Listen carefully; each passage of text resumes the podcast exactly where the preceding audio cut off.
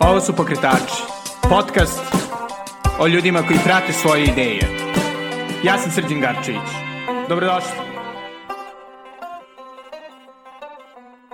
Ćao i dobrodošli u najnoviju epizodu Pokretača. Današnji gost je Luka Perunović iz penjačkog kluba Zemun i sa njim sam pričao ne samo o penjanju, to jest o tome kako je on postao jedan od naših najboljih penjača i naravno osnivač ovoga sjajnog kluba, već i o tome kako penjanje utiče na ljude, kako je promenilo njegov, ali i živote drugih koji su jeli u penjačkom klubu Zemun, kao naravno i o, da kažem, tehničkim aspektima organizovanja kluba za ovako jedan specifičan sport, od toga kako se dizajniraju um, oni njihovi poligoni, do toga kako izgledalo prenositi sve to iz Bigza u njihovu novu lokaciju.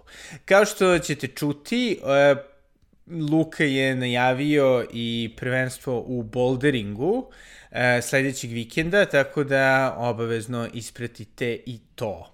Pre nego što čujete Luku, hteo bih da se prvo zahvalim mecenama koji me podržavaju na Patreonu e, i preko Paypala. E, takođe bih hteo da se zahvalim e, jednom divnom čoveku, Luki Pejoviću, koji me ne samo uveo na kratko doduše u svet penjanja, već i insistirao da pozovem Luku. Hvala puno. E, možete da čujete i moj intervju sa Gosan Pejovićem E, ako odete na SoundCloud. E, tu su sve malo drugačijim temama, konkretno ovaj, o, pričali smo o crowd lendingu. E, konačno, e, hteo bih da se zahvalim e, i drugim ljudima koji su me podstakli na penjenje, Sonji Radaković i Stevanu Toševiću, koga nažalost nisam pomenuo, takođe e, alumni pokretača. E, I da, i pre nego što zaboravim, naravno, Kinta, ovaj, ukoliko želite da podržite pokretače e, ili neke moje druge projekte poput The Natural Times moga bloga ili Belgradista moje Instagram strane, to možete učiniti preko ranije pomenutog Paypala ili Patreona. Paypal je na adresi sgarcevic.com patreon.me, dok je Patreon adresi patreon.com, kosacrta Belgrade. Svaki dinar zaista puno znači, e, naravno, ovaj, to pokriva troškove produkcije, a ovaj, takođe daje neku ideju da se ovakav sadržaj i vrednuje. Tako da, eto, ako imate malo kinte, e, možete u to da uslovno rečeno, uložite. A sada bez duženja, ovo je Luka Perunović iz penjačkog kluba Zemun. Hvala puno ovaj, što Hvala si došao jeli, u pripremi za uh, penjačko prvenstvo, bouldering prvenstvo Srbije, ili tako? Tako je, da, drugo kolo ove godine. Drugo kolo, ove, ovaj, i da, i ovde si ispred PK Zemuna, Tako je. Penjačkog kluba Zemun. Ove, ovaj, žestoko preporučeno od strane ne samo moga prijatelja bivšeg gosta pokretača Luki Pejovića, već i ovaj, sam sam imao prilike da, da probam, bilo je cool. Strava. Nažalost nisam ovaj, uspeo da, da održim iz nekih raznih glupih razloga. Ali, ovaj, da krenemo u tvom, zapravo, ovaj, intervju za Oblakoder. Dobro. Si rekao kako si, jeli, krenuo u penjenje kao klinac, ono, da. non stop si se verao. Pa kako je to izgledalo na početku, jeli, 2000-ih? Pa vidi, ja sam krenuo da treniram 2001. Znači, sad će 20 godina. Ali, ovaj, kasnije, kad sam odmotavao film unazad, da provalim kad sam ja počeo da penjem, moje zapravo, moje prvo sećanje koje u životu imam je da izlazim iz kolevke, one ne kolevke zapravo, nego neko kreveca, ono, mm -hmm. i da se i odatle izlačim i nešto penjem preko ograde i da bi otišao kod mami da da spavam u krevet. I ono, i bukvalno sve radijatore po gajbi, sve uh, ormane, stalno su me skidali ono, prvo roditelji sa, sa visokih mesta na stanu, u stanu, a onda i ceo komšiluk me dovlačio za, za ruku kući, ono, e, evo ti ga, ponovo se popeo na garažu, drva banderu i Ne, to mi je neka najprirodnija ekspresija zapravo. ne. Ili bilo ovaj puno slomljenih kostiju i to? Ne, zapravo ove godine sam imao nesreću ili sreću, zavisi kako pogledaš, da prvi put imam prelom. ono. Da. Tako da, u principu, penje je dosta... E, deluje strašan sport i izlažeš se ozbiljnim okruženjima, ali je zapravo dosta bezbedan na nivou modrice i ogrebotine. Ono, kapiram da je sigurno futbal, rukomet, basket, ono, mnogo, mnogo više telo pretrpi povrede. Da, i, i opet, mislim, sećam se, ne znam, ono, pošto smo otprilike slično godište, e, jedina veza sa penjenjem, ovaj, ok, pored ono, Tom Cruza, Da, naravno. koji visi ovaj, u Mission Impossible-u, je e, ona stena Nadi. Tako je, Ovaj. da, tu sam počeo, da. Da. I kako je to izgledalo, ono, što tad si imala? Pa, 11 godina. Da, 10, 11, 10 godina sam imao. Znači, moj čale e, vozi bajs stalno i jedan od redovnih krugova mu je na Adi Ciganli i prosto je, povezuje 2 i 2, video je da ću ja tu da se snađem.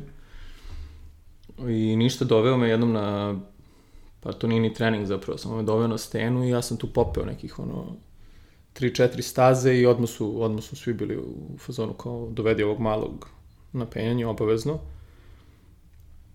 I tu se ispostavilo recimo da tipa nedelju dana nakon toga ili dve nedelje nakon toga je bilo onako prvenstvo Jugoslavije u penjanju na toj steni. Mene su, ja se još nisam upisao u klub, bio sam treći recimo na, Uje. da. Mislim, mo, da sad ruku na srce, to nije neki, posebno tad, ono, 2001. ili koje, to nije neki popularan sport, nema tu sad 100 takmičara da sam ja, iz, znaš, ali prosto sam Da. talentovan, bio sam talentovan. I, i jako ubrzo, potpuno zaljubljen u, u penjanje što traje i dan danas ne vidim u kraju. Ne. I onda je došao ovaj, PK Zemun, to je odluka da se angažuješ i zapravo Da, to je došlo klub. recimo, pa ja ne znam, to je došlo 10 godina kasnije. Da, kad je već bilo evidentno da, da, da sam penjač potpuno i da ću biti u tome sigurno u nekom obliku ceo život. Mhm. I onda smo Ćale i ja i još nekoliko bliskih drugara pokrenuli klub, krenuli lagano da nacrtali smo neku, nacrtali i skicirali stenu koja se nalazi na Zemunskom keju i krenuli da držimo trening klincima i, i ljudima. I tako je počelo ono. Da. E, e, mislim, pošto tada si šta imao, 20 godina, 21, da, neki student sam da bio. si jednom da je bio student, ovaj, i ono, mislim, super je zato što si imao podršku očigledno od porodice da to... Da, hvala Bogu, ovaj, stvarno punu podršku sam imao. I, ka, mislim, čisto mi je... Ne samo, pod, ne, ne samo porodici, izvini što te presekao. o, nego i društva. Mislim, svi, razumeš, um, kao ne, ja ne znam da li je moja kao neka uspešnost u takmičarskoj karijeri prouzrokovala da ljudi žele da mi pruže podršku, prosto. I to sam vas da i dobijao i stvarno ogromnu sreću da, da, se, da su se takve stvari namestile. Da, i, jeli, mislim, obzirom da penjenje nije, otko znam, ono, sport, niti na nivou, jeli, lukrativnosti, A, ili daleko to, neke daleko. ekskluzivnosti, tipa, ne znam, golfa, Da. niti opet sa druge strane ono nešto što je dosta lako za samo ono postaviti, mislim, neophodne je ozbiljna infrastruktura. Aha, da, da, da. Jasno. Kako je izgledalo uopšte pokretanje tako jednog Pa baš je bilo, projekta? baš je bilo zapravo, mislim, ja, znaš kako, kada, kad ti se život dešava, samo onda ni da skontaš kako sve to izgleda dok traje, ali kad sad se okrenemo nazad, ja sam ono, znači mi smo, mi smo stenu u Zemunu napravili, podigli smo je, konstrukcija čelična je postavljena 25. decembra 2000, ja mislim, 10. Znači da su došli majstori neki, bacili 4 tone čelika na livadu, svarili to za 7 dana u ono, ono što vidimo sad i podigli je dizalicom i stavili na noge i otišli. I od tog momenta nadalje sve smo mi uradili, znači sve one table koje su od polijestera, to je nekad bilo samo neko platno i smola u tečnom obliku.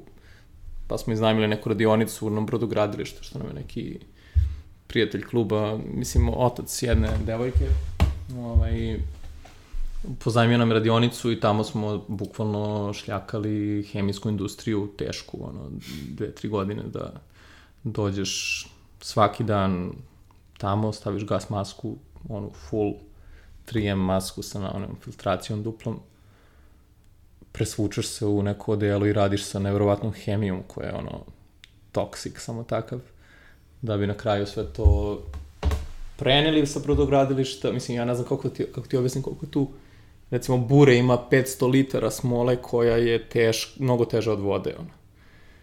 I ne znam koliko buradi smo mi ubili dok smo napravili ovaj, stenu, pa smo preneli sve te table u Zemun, pa smo ih dizali na onu stenu od 12 metara visine, pa, pa prišafi za čelik, pa, pa sve to prvo pripremi, probu, probušio sam ne znam koliko hiljada rupa u tom čeliku da bi, da bi sve to moglo se ovaj, Da.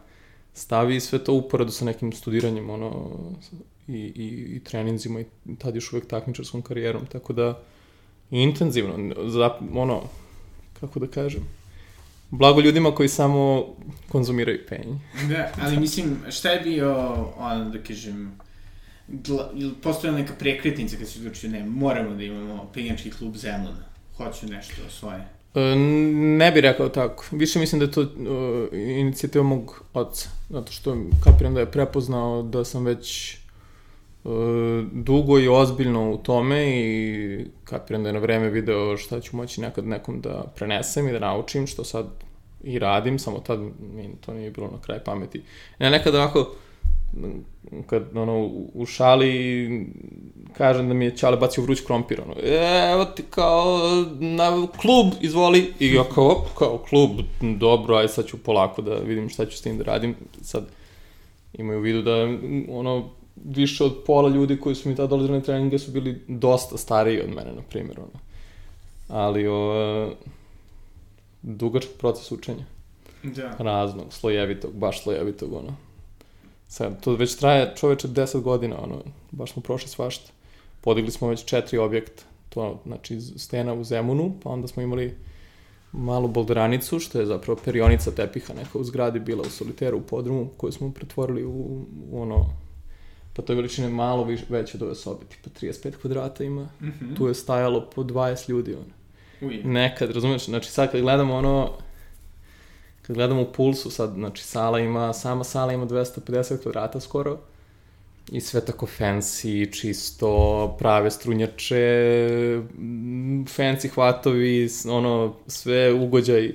I sad ljudi na što se žale tu, kad se setim, ono, kad, kad smo stali svi, brate, u prašnjevi podrum, osmeh od uva do uva. I dalje ljudi kažu da, da ne može da se na neki na, ono ko je, ko je to doživeo, kaže da ne može se poredi sad ništa s tim, zato što prosto kapiram da, da te takvo okruženje natera da spustiš neki štit koji bi inače možda nosio Da. i da prosto mnogo se bolje povežeš sa ljudima. Da, i, ali, ono, e, pomenuo si da je bio vrlo, ono, raznolika grupa ljudi, dosta njih starijih od tebe, Da. koji su došli u PK Zemun. Kako si ih uopšte, ono, nalazio? Kako su Uh, sve je word of mouth, ja mislim. Zapravo sad tek počinjemo neki marketing kao malo uh, realniji, ozbiljniji i koji, i koji pokazuje naravno rezultate. Ono sad samo ti je dovoljno da nešto objaviš na Instagramu i neko će to da vidi. Ali, ali mislim da je sigurno najbolja preporuka. Mislim da to, to je nekako zdravorazumski potpuno da te neko preporuči, onda slični ljudi tim ljudima dolaze i onda se tu stvori ceo jedan neki vibe koji, koji je prepoznatljiv. Da, da. I sada, ovaj, mislim, meni deluje da je svakako kod nas, mada opet i šire, verovatno i zbog ovaj, olimpijskih igara, penjanje je postalo vrlo popularno, vrlo cool, evo bio Da, neki, kreće, ono, kreće boom, da. bio neki ono Netflix rom-com koji ima neku temu, da, da idu na penjanje, Aha. pa nemam pojma, ono, svaki peti podcaster u Americi pominje kako je išao na penjanje sa svojim ekipom i to je tako dalje. Mislim, kako, kako se promenila, uslovno rečeno, penjačka kultura u ovih proteklih 20 godina? A, da, znaš kako, ovaj, kako to da ti kažem, da li to ima smisla, da li, da li to ima nekom drugom smislu. Tipa štreberi su počeli da penju, nisu više samo neki alternativci, ludi koji nešto Aha. nego sad najnormalnije prosto ulazi u mainstream zapravo. Znači, mi bivši džaci matematičke gimnazije smo, nam je dozvoljeno. Da, samo napred. Čak i ekipa SETF-a. Evo pa vidiš glavom i bradom. Da. Ali opet misliš da nekako ono taj... Mislim, da li je to promenilo duh, usno rečeno, ono, ljudi na sportu ili... Pa znaš šta, uh, mislim, ja, ja sam, kako ti kažem, rekao sam ti sad zapravo dok smo sedeli malo pre, da sam ja all in u penjenju ušao, što nešto što najviše na svetu volim, kapiram ono da uh, mi je to, rekao sam ti, ono osnovni način izražavanja mene i onda sam se trudim da budem što hardcore dublje u tome, lično, razumeš, i onda sad kad vidim e, sa porastom popularnosti penjanja i pre svega sam ja neko ko pruža ljudima penjanje, pa koliko možeš da izađeš u susret nekim mm, reklo bi se nerealnim zahtevima konformizma. Mm -hmm. Skapiraš, ljudi hoće da im je udobno na penjanju, to je kontradiktorno. Penjanje je ono, Neudobno sport. neudobno, žešće, boli te, krvariš, e, držiš jako sitne stvari, prstima stiskaš i sve snage. Mislim, razumeš prosto, ulaziš u male, male patike za penjanje, penjačice. I... Ali čak i... A neka opšta težnja, ono, globalna je taj neki konformizam. I baš mi je zanimljivo kako se, kako se, ovaj, kako su ljudi dovitljivi da i u penjanje prošvrcuju udobnost. Ali to je nešto što je, što je novo, recimo, u zadnjih pet godina, da se sve više osjeća uh, nekako, kako da kažem, da li, da li je pogrešno reći da, omekšavanje od, od onoga što ja smatram da bi bila neka suština penjanja. Da. Da. Jel to ima smisla? Ima smisla, samo ovaj možda, ako bi imao neki ono, konkretan primer kako, kako se to ocrtava.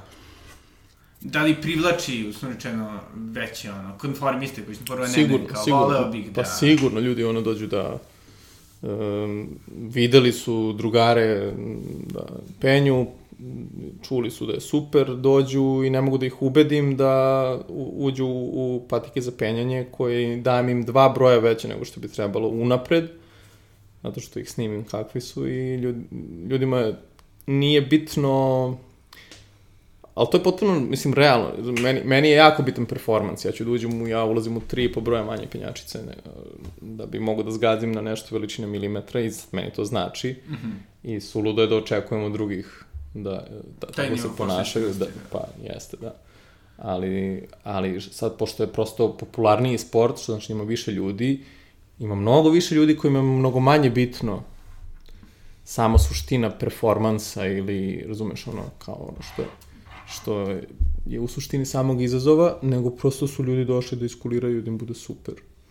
Da. I tome se treba prilagoditi. Ono. I to se i dešava prosto, pošto ponuda i potražnja, klasično. Da, da. I jedna od stvari ovaj, kad sam ja par puta pokušavao da penjem, je uvek to pitanje, pošto ono, eufemistički bih rekao za sebe da imam ono, više građu, powerlifter, ako se ne bavim powerliftingom, Da. što će reći da sam težak, onako, Jak si, kabast Da, da. i nepreterano fleksibilan. Ove, jel penjenje kao za sve, jel, jel si ti jedan ljudi koji su na foru kao, ok, možeš, uvek može čovjek da se istrenira, da mu bude Sigurno, okej. sigurno može da se, mi sad zavisi, razumeš, e, kako ti kažem, ka, kad bi se ti i ja dogovorili da ti meni daš svoje poverenje pet godina i da se mi nešto istripujemo sad, da je nama i tebi i meni to bitno, da, Da, da mogu, bio bi ti super penjač, siguran sam, Da, da. razumeš. Sad ne bi možda bio neki genetski uzorak, ono, kao da nađeš nekog, razumeš, mislim, nisi neko genetsko čudovište za penjanje, ali to nije, ni, to ne, uopšte, uopšte nije bitno, ono. To potpuno Da, potpuno je nebitno. Da, znači ne bi bio ovaj Janja Grandbret, ali bi bio okej. Okay. to pa mislim, teško je. Dobro. I sada kad smo kod Janje... Da, reci mi. Ove, i, jeli olimpijade, ili to ono postiglo, da kažem, još dodatni spajk u, to je, u ljudima koji da, dolaze? to se čekalo, ono. E, pre svega, e, mi imamo jednu ozbiljnu takmičarku, Stašu Gejo, ovaj, koja je za malo upala na olimpijske igre. Aha. Baš za malo, baš za dlaku, ovaj, je propustila priliku i ja sam već, kako da ti kažem, ja se već godinama spremam kao neko ko vodi klub za tu potpunu eksploziju koja će se desiti ako Staša ode na, na olimpijske igre.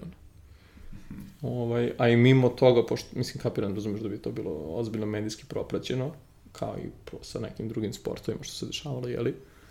Ovaj, ali mimo toga isto navala je ozbiljna i sve ozbiljnija. I sad je već... Um, ja kad sam počeo da penjem, dok nekom objasniš šta je penje, treba ti bukvalno 25 minuta. Da to nije alpinizam, ali ako, ako uopšte znaš šta je alpinizam i da je to planinarstvo, ali da nije planinarstvo, nego da ide po stenama, bla bla, šta to sve znači. Sad samo kažeš penjenje i sad već svi znaju ono. Tako da, da to je baš monumentalna razlika. Ne, jedna od stvari ovaj, koji je, je li dosta bitna, mislim, za penjenje to je ne samo da, da, da, da ono, imaš Alpe i cool planine i pećine u svojoj okolini, mi nemamo možda Alpe, ali imamo ipak planine. Imamo, da. Ali opet sa druge strane da postoji neka infrastruktura po gradovima gde dosta ljudi ide, bulderane Apsolutno, i to. da. Koliko se to razvilo u proteklih pa 10 godina od kad vodiš klub? Pa razvilo se ozbiljno, evo sad, na primer, da smo brojali neki drugari ja pre neki dan. Slagaću te da ima osam, recimo, boldorana u Beogradu. Nekih, da smo nabrojali, smo skupili. Da se ljudi okupljaju i treniraju. I to je sad već, sad je već normalno da sretneš nekog na penju, da nemaš pojma ko je, to je potpuno normalno, nekad smo se znali svi, po, svi, potpuno sve. Mm -hmm. Razumeš, bilo je ono, nema šanse da, nema šanse da sretneš nekog na steni da ne znaš ko je. A sad je to najnormalnija stvar, čak i meni koji sam tu 20 godina i rekao bi da znam dosta ljudi, ono. U sceni, da. da. A koliko je, video sam i ova nova stena na Košutnjinku.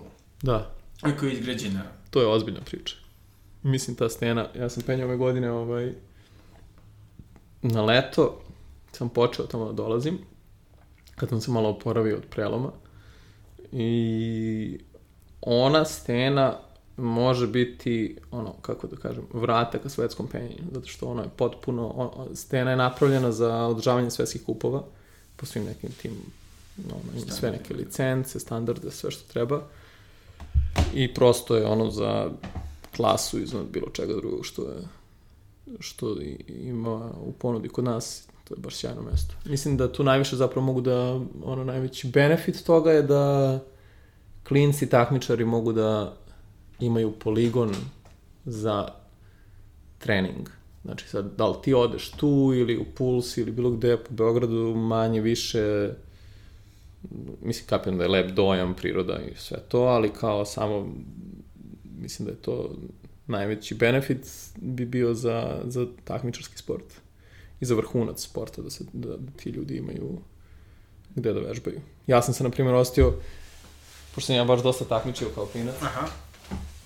Ovaj, ja sam se, ja sam se setio ovog leta da je, da je to moja disciplina, to je težinsko penjenje, znači to kad penješ dug, dug smer ovaj, i, i težak, a naspram toga da penješ one kratke boldere iznad strunjače, to si vidio, da, da. da.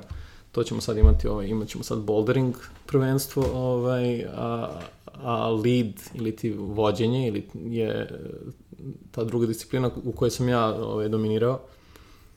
Ja sam se, ja sam se setio da sam se ja time, da sam ja za to najviše trenirao ikad i da je to zapravo moja disciplina nakon ono 10 godina treniranja po nekim bolderima, jer nema, nema drugde, nema gde da vežbaš. Ono.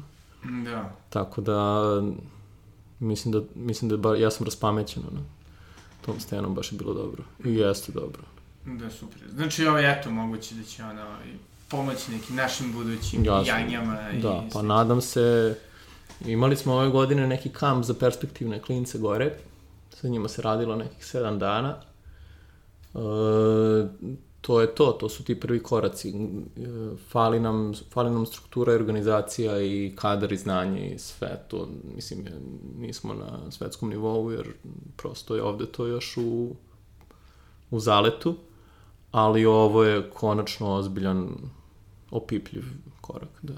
Mm, Da, da. I sada da se, jeli, vratimo na, na tu kulturu oko penjenja, uh Mhm. -huh. ovaj, ja nažalost nisam imao prilike da idem još na penjačke kampove kada su u prirodi. Ovaj, međutim, drugarica koja se inače ne bavi penjanjem je rekla kako je to bilo jedno od najlepših iskustava ikad, ekipa je bilo pozitivna, Ekstra. prijatna i u tvom jeli, intervju za Oblakoder si pomenuo kako je ono što ti je posebno lepo to zašto si ono, u trenutku dok si na steni, Da. da. ono, meditativno gotovo. Jeste, pa da, ja e, vidim, e, kako ti kažem, ja, ja sam, pre svega sam kao penjač i znam iz, iz ličnog iskustva kako je, ali sad već dosta dugo radim s ljudima, znam kako je nekim ljudima koji dođu prvi put.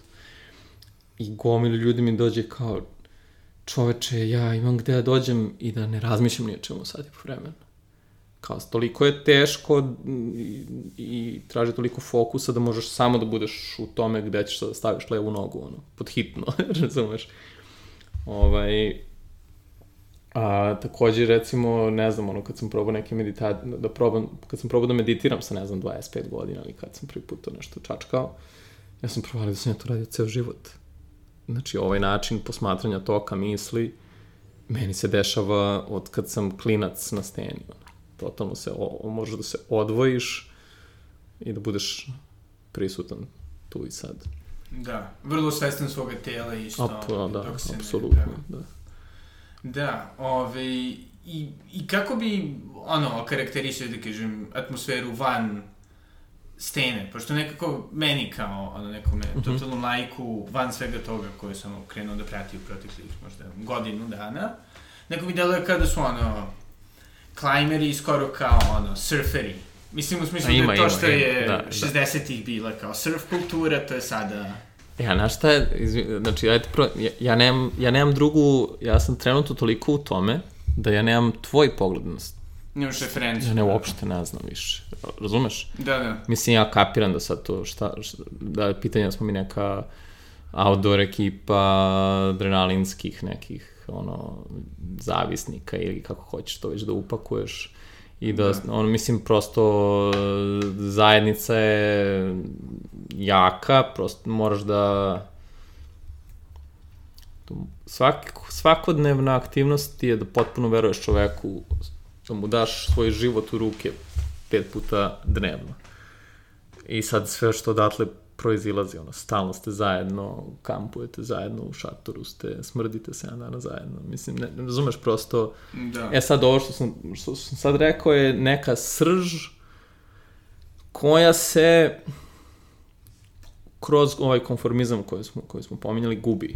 Razumeš, sad ljudi hoće da dođu na penjanje, ja takođe, Mm -hmm. i da spavam u smeštaju, više ne kampujem, zato što mi je bitno da sam dobro naspavan, da bi sutra mogu nešto da stiskam, iako mi je pre 10 godina bilo potpuno nebitno kako sam naspavan, sutra ću svejedno jako da stiskam. Ali taj neki, gubi se, da, gubi se avantura, malo, kroz omasovljenje, ali onda samo prosto ako te zanima avantura, izvoli i iskorači iz tvoje komfort zone i otiđi negde u planinu sa šatorem. Mislim, nema, lako, lako može da se da. doživi sve. Samo mislim da manji procenat penjača ili ljudi koji se nazivaju penjačima doživljava avanturu sad. Da, nego na taj nekad. način, da. Da. I, I sada, ovaj, da se vratimo jeli, u grad, PK Zemun, uprkos imenu, je ovaj, već duže vremena na Savskom mencu. Da. Između ostalog, bili ste i u Bigzu.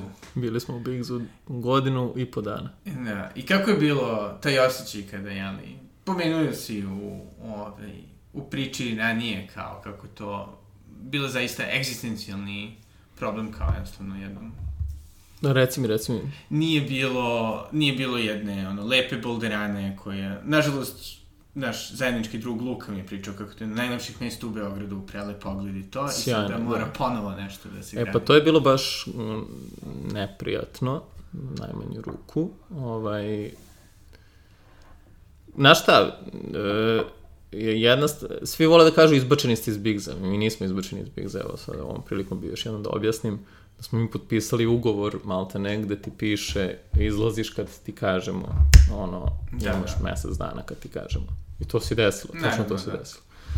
Tako da, e, kukanje na stranu, to, znaš kako, ja, kad, sam, kad smo gradili Bigs, mi smo morali da iz male bolderanice od 35 kvadrata mi smo vraćali ljude svako, znači nakon jeseni kada se napuni klub na Zemunskom keju i kad siđemo svi u podrum, mi smo, na, mi smo bili jako efikasni, mi smo imali 17 treninga nedeljno, unutra smo spakovali, razumeš? Da bi, da bi svakom izašli u susret ako ne možeš utorak dođu u sredu, ako ne možeš pre dođu posle i sve to, ali svakako ono, dođe ti 50 novih članova, ostane ti 20. Naravno, zato što neće niko u, u podrumu. Mislim, u podrumu su fanatici samo i ta srž te ekipe, ono što sam ti pričao da smo da smo braća i sestre i da nas ništa ne zanima i da uživamo u penju. Ali prosto, ono, skontao sam da je potražnja ogromna i da nam treba nova sala i uleteli smo u Biggs, čim sam video prostor, bio sam u fazonu, ok, ulazimo. Uh, I nekako sam znao, i to sam pokušao da iskomuniciram ljudima u klubu, da imamo jedno malo zlatno doba, koje ne znamo koliko će trajati. Trajalo je malo prekratko ako mene pitaš, ali to je opet subišno sad ovaj, pričati o tome. Ali dobili smo ozbiljan uzorak šta to može biti. I to je, na primjer, ono malo pre kad sam ti pričao da smo izašli iz Bigza, pa sam se ja pitao kao da li da se nešto preorijentišem lično, kao karijer, karijeru, da ono što jurim ili neku drugu, ono, neki drugi poziv, mm, nije mi dozvolilo, znači uzorak našeg rada mi nije dozvolio da to batalim još uvek, zato što, stvari ne mogu da kažem da znam, ali mi stvarno deluje da da, da penjanje na, na dobrom putu i da može od toga da svašta da ispadne. Da, i onda je bilo, jeli, sve ono, dekonstruišete, kako što izgleda... E, znaš, ka, znaš kako to, bolderane? znaš, znaš koje je to ludilo? Znači, mi smo, ovaj, imali smo mesec dana da izađemo i recimo su nam produžili za nedelju dana, zato što smo kao jedno od najvećih postrojenja u Bigzu, mislim, mi smo, kako ti kažem, tu imaš ne znam koliko tona drvene građe, neke raznih greda zakucanih u podu, plafon sa džinovskim mm -hmm. šafovima i to, mislim, to je ozbiljan gabarit. I mi smo, mi smo sve, sve table i sve grede obeležili od ono 1, 2, 3 do 90, ne znam ja koju, mm -hmm. svaki spoj dve table e, povukli liniju gde su, da kad kasnije kad rasklopimo, kad ponovo budemo sklapali, da znamo gde šta će da legne. I ovaj, pritom u novoj sali gde smo sad u Viktora i Goa 4, ovaj, ne smemo da se osnovimo na plafon, što je to neki kara tavan. Aha, To je ono neki malter i trska od pre ne znam koliko godina.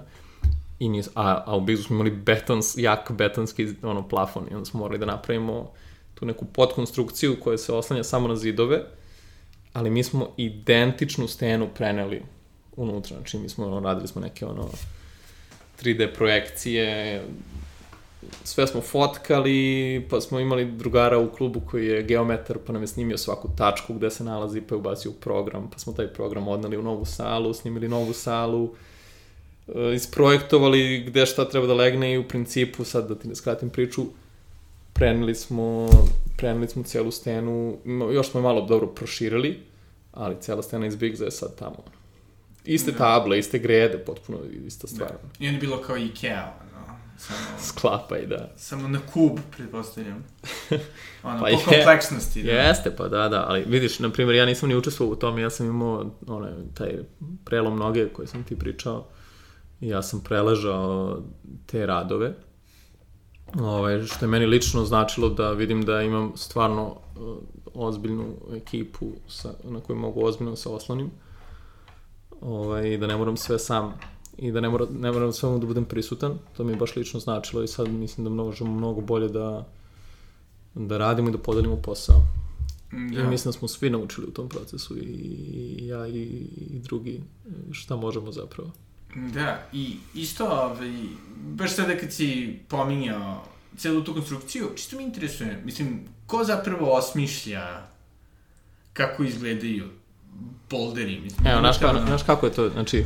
Građevinske inženjere ili... Mm, ajde ovako, znači, u Bigsu, kad smo, kad smo ušli u Bigs, uh, projekat nam je vodio je savršen lik, znači to je drugar koji je veoma ozbiljan penjač i veoma ozbiljan stolar. Totalni perfekcion, ludak potpuni. Ono. Znači Aha. u Bigsu, kada je napravljen Bigs, ništa se nije, ništa nije viri, ono što čelo milimetar, pošto smo imali potpunog fanatika ovaj, kao da. glavno. On je baš profesionalni stolar.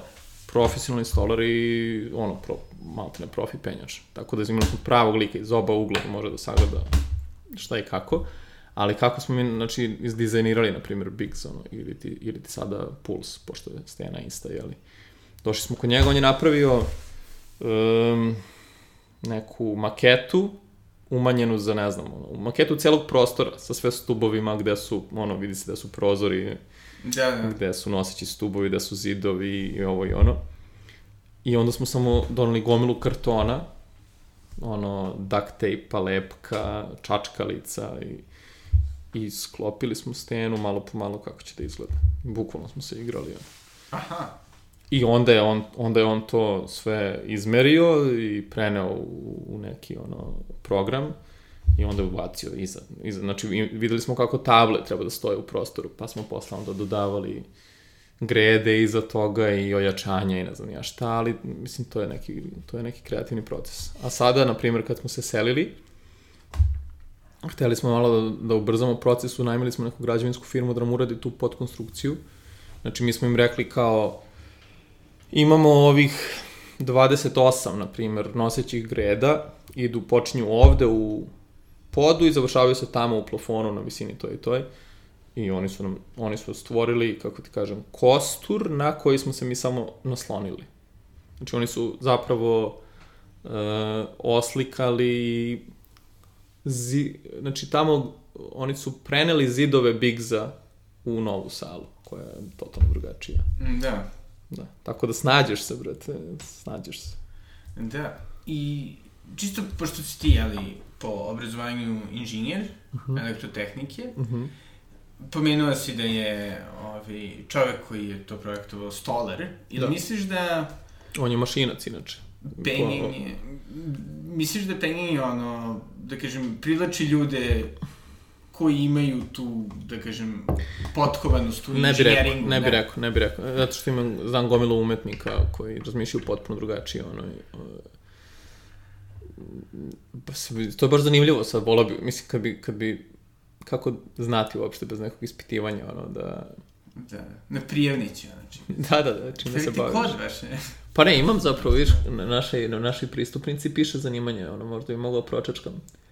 Ali, na šta mogu, ja, na primjer, meni baš znači moje obrazovanje, i to je samo prosto osnovna mehanika, fizika, znači nikakva da. kao elektrotehnika, za penjanje. Tipa kako, ono, vektori, sile, ja bukvalno, kad gledam čoveka na steni, meni je to neki bespolni objekat, kao lutka neka, koja, da. ono, bukvalno mi se iscrtavaju vektori sile u jednoj ruci, u drugoj ruci, kroz telo, kako niveliše otpor, prosto baš mi znači tako da razmišljam i mnogo puta rešim problem tako što vidim da ne znam, ako mi oba hvata gledaju na desno i ako ja vučem rukama, meni će telo otići na desno, znači da moram nogom da pružim silu koja me gura u levo, da bi moje telo bilo mirno u tom momentu, razumeš? I onda znam kao iz problem, fizike da, da. da ću morati da nivelišem sile i onda pokušam da nađem nešto odgovarajuće za nogu kroz to razmišljanje. Razumeš? Znači, da, analitičko. Pa da, kao mehanički problem. Suštvo. Pa da, i ljudi su počeli da provaljuju, ovaj, pošto, ono, ajde, već sad davno da sam ja nešto studirao ili, ili diplomirao i više ljudi ne znaju taj deo mene, nego znaju samo da sam penjač.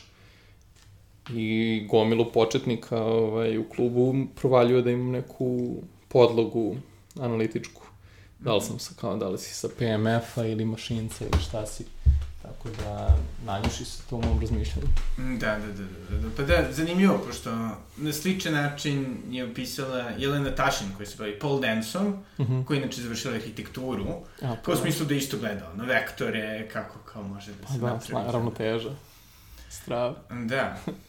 Tako da, ovi, jel, jel objašnjavaš i na taj način ljudima? Pokušavam da nađem meru između toga da nekoga potpuno ne zanima da mu pričam nešto vektorski, i, a da mu ipak prenesem suštinu. Mm, I mislim da sam do, do sad to već naučio. Ali kad mi padne šaka neko ko je ko znam da će razumeti, ono, bukvalno ja da dočekam da mu, da mu nacrtam maltene diagram sila, ono, koji ti se dešava u telu i Da, da. ti ljudi samo kliknu, ono, odmah me skontaju. Da, to mora da je zanimljivo, pošto ono sigurno postoje, da kažem, intuitivniji penjači koji to, da kažem... To osjećaju. Da, fizički Tako je. osjećaju, a drugi kojima je potrebno da im se kao objasni.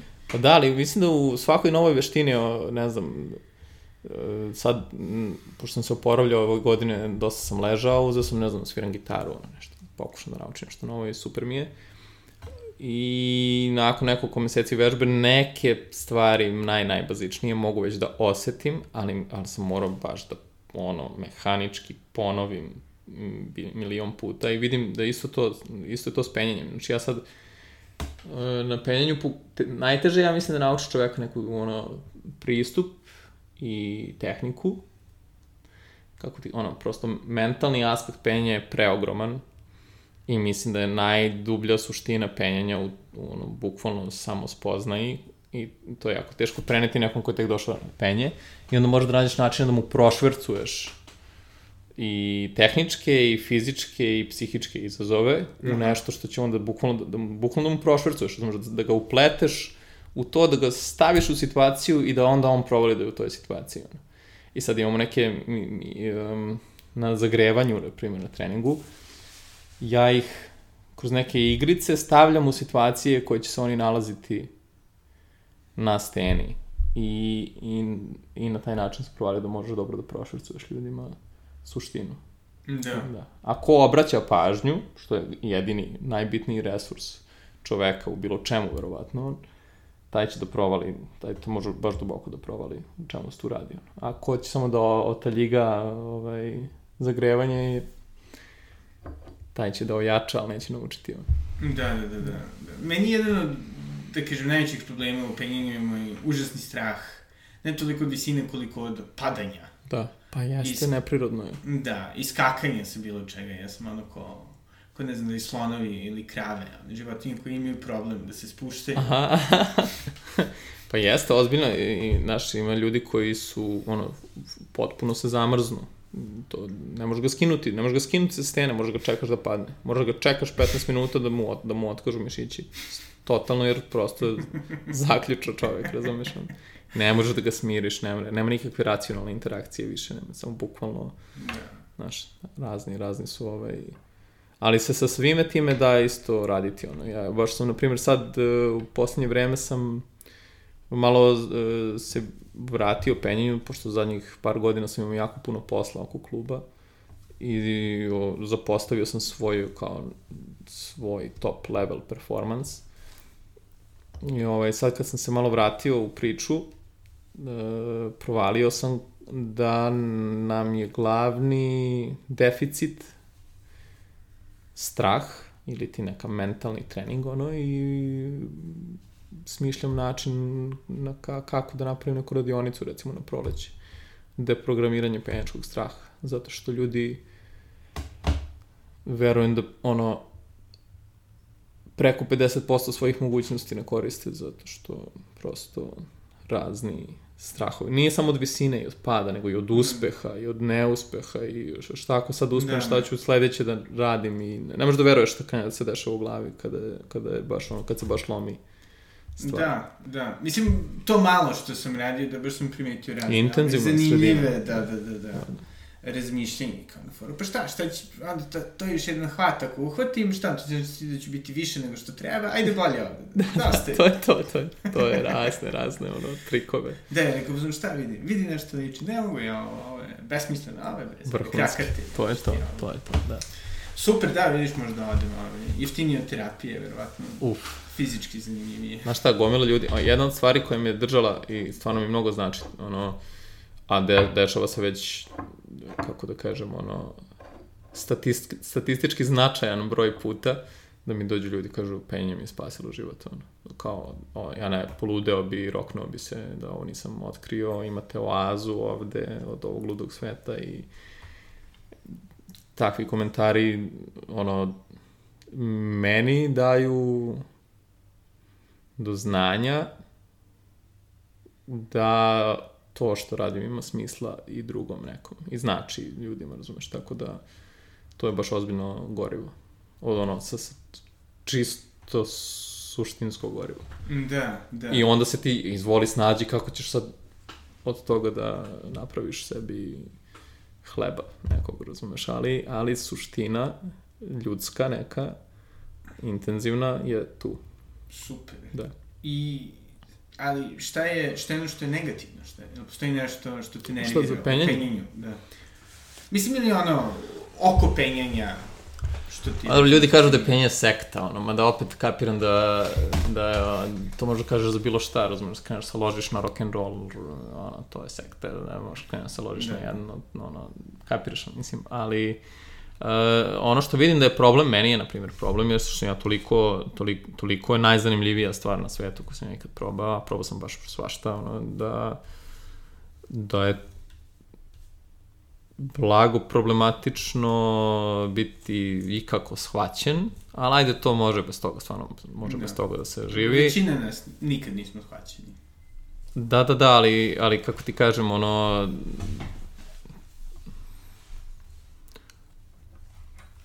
Aj sad sam zamisli, na primjer, da ja svaki vikend svog života, a i če, često i po tri nedelje, mesec dana, ja samo to hoću da budem negde Van, i da, da penjem negde u prirodi i da me ništa, nemam, nemam prosto, mogu da se pretvaram, a mogu i da odem, razumeš. I sad kapiram da vidim zapravo da je mnogim ljudima to je problematično i u nekim međuljudskim odnosima i partnerskim odnosima i da, tako da nablaka je. To je i najbolje i najgore u tome, što je toliko zanimljivo. Da, imenzivno. I, I intenzivno, da. I od svih mesta na kojima si bio, Ove, u Oblakoderu si pomenuo, je li tako, Grdobu kod Valjeva, da. kao posebno lepo i svako blisko mesto. Pa najviše, ne, ne, ne, znaš kako, ja se trudim da već ne, neko, nekoliko godina, sorry, već dosta godina, se trudim da se ne vraćam puno na isto mesto, makar kad putujem po svetu, jer prevelik je svet. Mislim, ono, raspametim se svaki put kad negde odem i onda mogu samo da menjam, pošto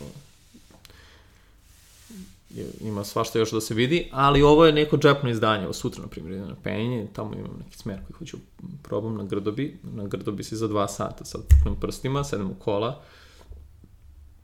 redovna akcija, sad nam je da se pokupimo 8 ujutru iz Beograda, spičimo se do Valjeva, još malo iza, penjemo, vratimo se u 3-4 popodne, ono svako, svako se napenjamo pomalo, dovoljno, I imam još celu polovinu dana u Beogradu, kao da sam skočio, mislim, dobro, malo dalje negde i odradio nešto, ono, neki trening. Da. Tako da, i tamo se bukvalno osjeća kao kod, kod kuće znam svaki kamen gde se nalazi, ono. Ali ne bi isticao lepotu, jer to, to je poređenje baba i žaba, ono, svuda je dobro. Da. Ako si ti dobro i ako si tu. Da. A postoji neko mesto koje ti posebno bilo Pa mislim, Drago, recimo, um, Kalimnos je to neko penjačko ostrvo u Dodekanima, grčko ostrvo, tamo skroz kod Turske. E,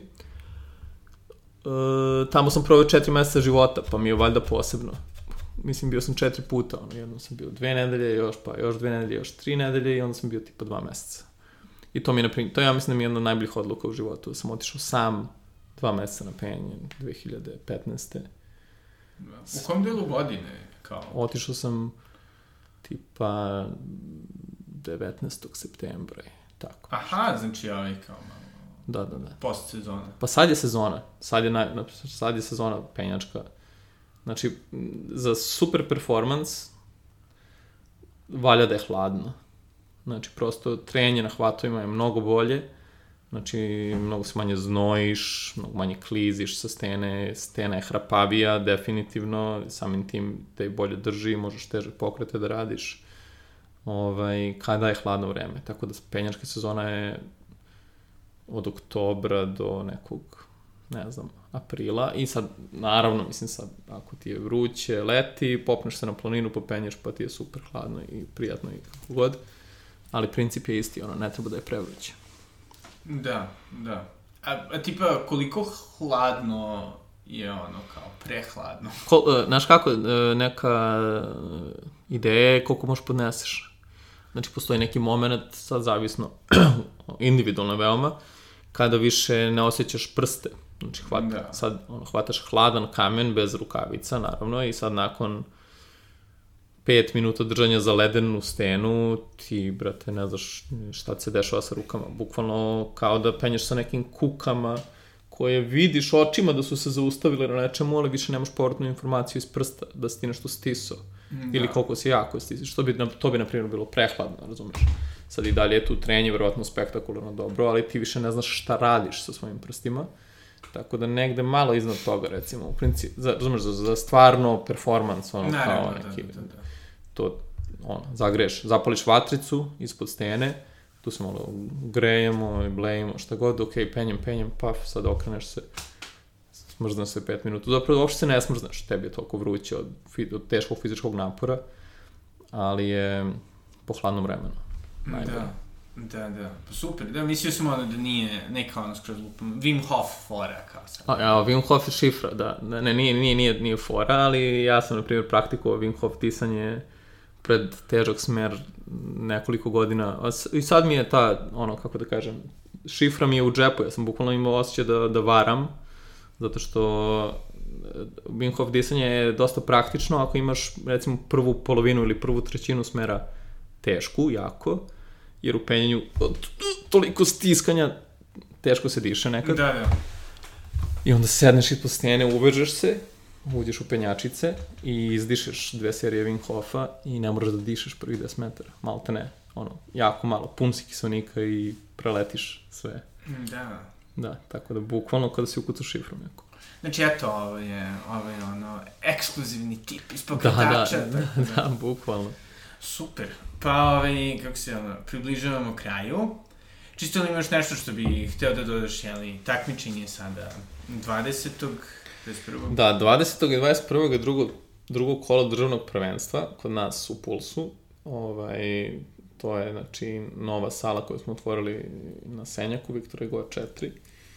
Uh, spremamo poslastice razne dosta će dobro da bude, ovaj, dobra, dobra ekipa se poklopila u organizaciji i mislim da ćemo da napravimo baš dobar događaj. Čuo sam se sa dosta ljudi već uh, i raznih klubova i takmičara raznih, ono, jedan na jedan i svi su mi manje više potvrdili dolazak, tako da uh, radujem se izazovu, jer je, kako da kažem, izazovno je i kreativno je da, da, da svi koji dođu da im bude taman dovoljno teško, da, znaš, jako je komplikovano da napraviš nešto dovoljno teško, da neko popne, a neko ne, i da ih razvrstaš rezultatski umesto da svi popnu jedan, a niko ne popne drugi i da... da to da, je da, dosta da. komplikovano uraditi, ali kako ti kažem, 20 godina sam u tome i znam lično sve takmičare koji će doći, tako da znam i šta da im skuvam. Super. Da. I čisto, da, jel će moći da se prati ovaj, uživo preko nekih linkova, ne? Uh, pa vidi, na, na tome još radimo da vidimo kako, kako da uspevali smo ranije taj live feed da ostvarimo, tako da ćemo to, to mogu ti potvrdim još, ali najbolje je samo da se dođe da, u salu, da se da. osjeti energija ono, mesta i i nastup. Da, pošto kao neko ko zaista ono ne voli da gleda sport, mm -hmm. smreni nisam volim da se njime bavim, to smo malo promenilo u proteklih par godina. O, zaista gledanje penjenja je impresivno. Mislim, baš da. je, ono, ovo na olimpijadi baš bilo prelepo i, ono, pogotovo... E, a reci mi, reci mi kako je tvoj dojam, pošto ja ponovo kažem ti meni. Da, da. To previše poznato. Kako, kako ti je delovalo olimpijske igre? Kako, kako ti to izgledalo? Ba, baš izrazito cool Ove, dobro, ono, brzinsko penjanje je okej, trka ko trka. Da. Ali ono kao rešavanje onih, one, treća disciplina, Boulder. boulder, da, to je baš bilo cool. Da, to je baš zanimljivo. Zato što ti deluje, mislim, kao lajku, kao u fazonu, kako će ovo, kao u fazonu uopšte, nema, ni, se mislio kao nema šanse. Uh -huh. deluje da su prevelike ono, razdaljine, nema šanse i onda vidiš neko zapravo i uspe. Da, imaš i ono što je meni fantastično u penju je e, da ono, any body type, znači mali, veliki, de, je, mislim debeo, ne, nema, nema, nema baš debelih penjača, ali ima krupnijih penjača i tanjih penjača i Da, da. svi se snađu na svoj način, razumeš, onaj ko može više da dohvati, ko može da uhvati ono nešto, ja imam, na primjer, ogroman raspon ruku, imam 1,96 raspon ruku, a visok sam 182. A znači kao ovi Phelps imaš tu. Pa da, to se zove ape index, kao majmunski Aha. indeks, razumeš, i ja kao da su me neke volovske zaprege rastezale kad sam bio klinac, pošto Da, imam da. ono 14 cm duži raspon od visine. I ja, na primjer, ja mogu sve da dohvatim, to je moja pre, ogromna prednost u penju. Da, da. Ali zato, kad si tako krakat, ja nisam mnogo jak. Razumeš, kad si, neki, kad si manji zdep, ono, zdepasti lik, možeš, možeš mnogo više zgibova od luke da uradiš, ono, ali ne može da dohvatiš što on može. Da, I da, svako ima neku svoju, neki svoj edge Caku, da. caku, da. I ono što je isto sad um, ističe se u penju da je penje jedan od sportova sa najmanjom marginom između muškaraca i žena.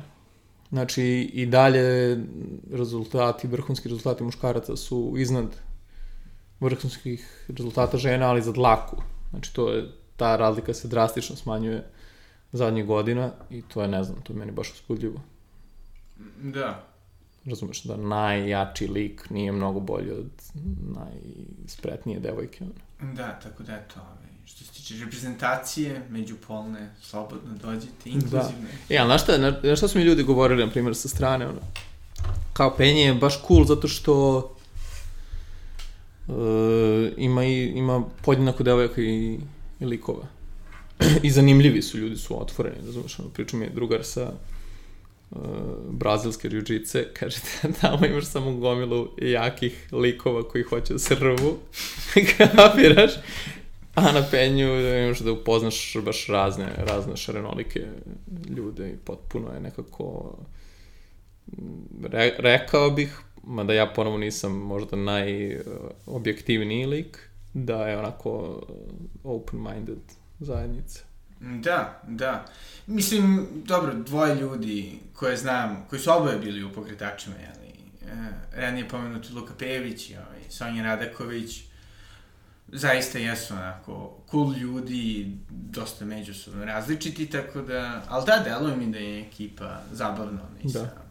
To sigurno. I zato sam i hteo da odem, ovaj, da... da Ma dođi na kamp neki, to će, da ti, to će ti otvori Pa horizont. možda, da. Znaš ono kada, kako ljudi kažu na lupom, XY nije zamena za ličnost, ja sam htio da mi, ono, penje bude zamena za ličnost, ko zna, možda, možda je uspeo. Možda sam i ja to hteo. Možda, Možda si uspeo. možda sam uspio. Šalim se. Jel imaš nešto što htio da dodaš, Luka? Ne znam, dođite probati, baš je super. Super. Mislim, nema šta više. Ja, hvala puno, hvala puno Hvala i, i vraćam se, morat ću ovaj da... Vidimo Da, se, vidimo se u sali. Vidimo se. I to je bio Luka Perunović. Nadam se da vas je ovo zaintrigiralo da probate ovaj vrlo uzbudljivi, vrlo zanimljivi, vrlo zdravi sport. E, moja penjačka karijera, nažalost, kao što ste verovatno shvatili, nije baš najuspešnija, ali svaki put kad sam bio na penjanju bilo je zaista zabavno. E, i svakako se nadam da ću nastaviti. Još jednom hvala puno Luki Pejoviću, e, hvala puno svima ostalima koji šaljete preporuke za goste e, i konačno naravno i najbitnije hvala puno mecenama koji e, vrlo izdašno finansiraju ovaj podcast i moje druge projekte. To je to za ovu nedelju, do sledećeg slušanja, doviđenja.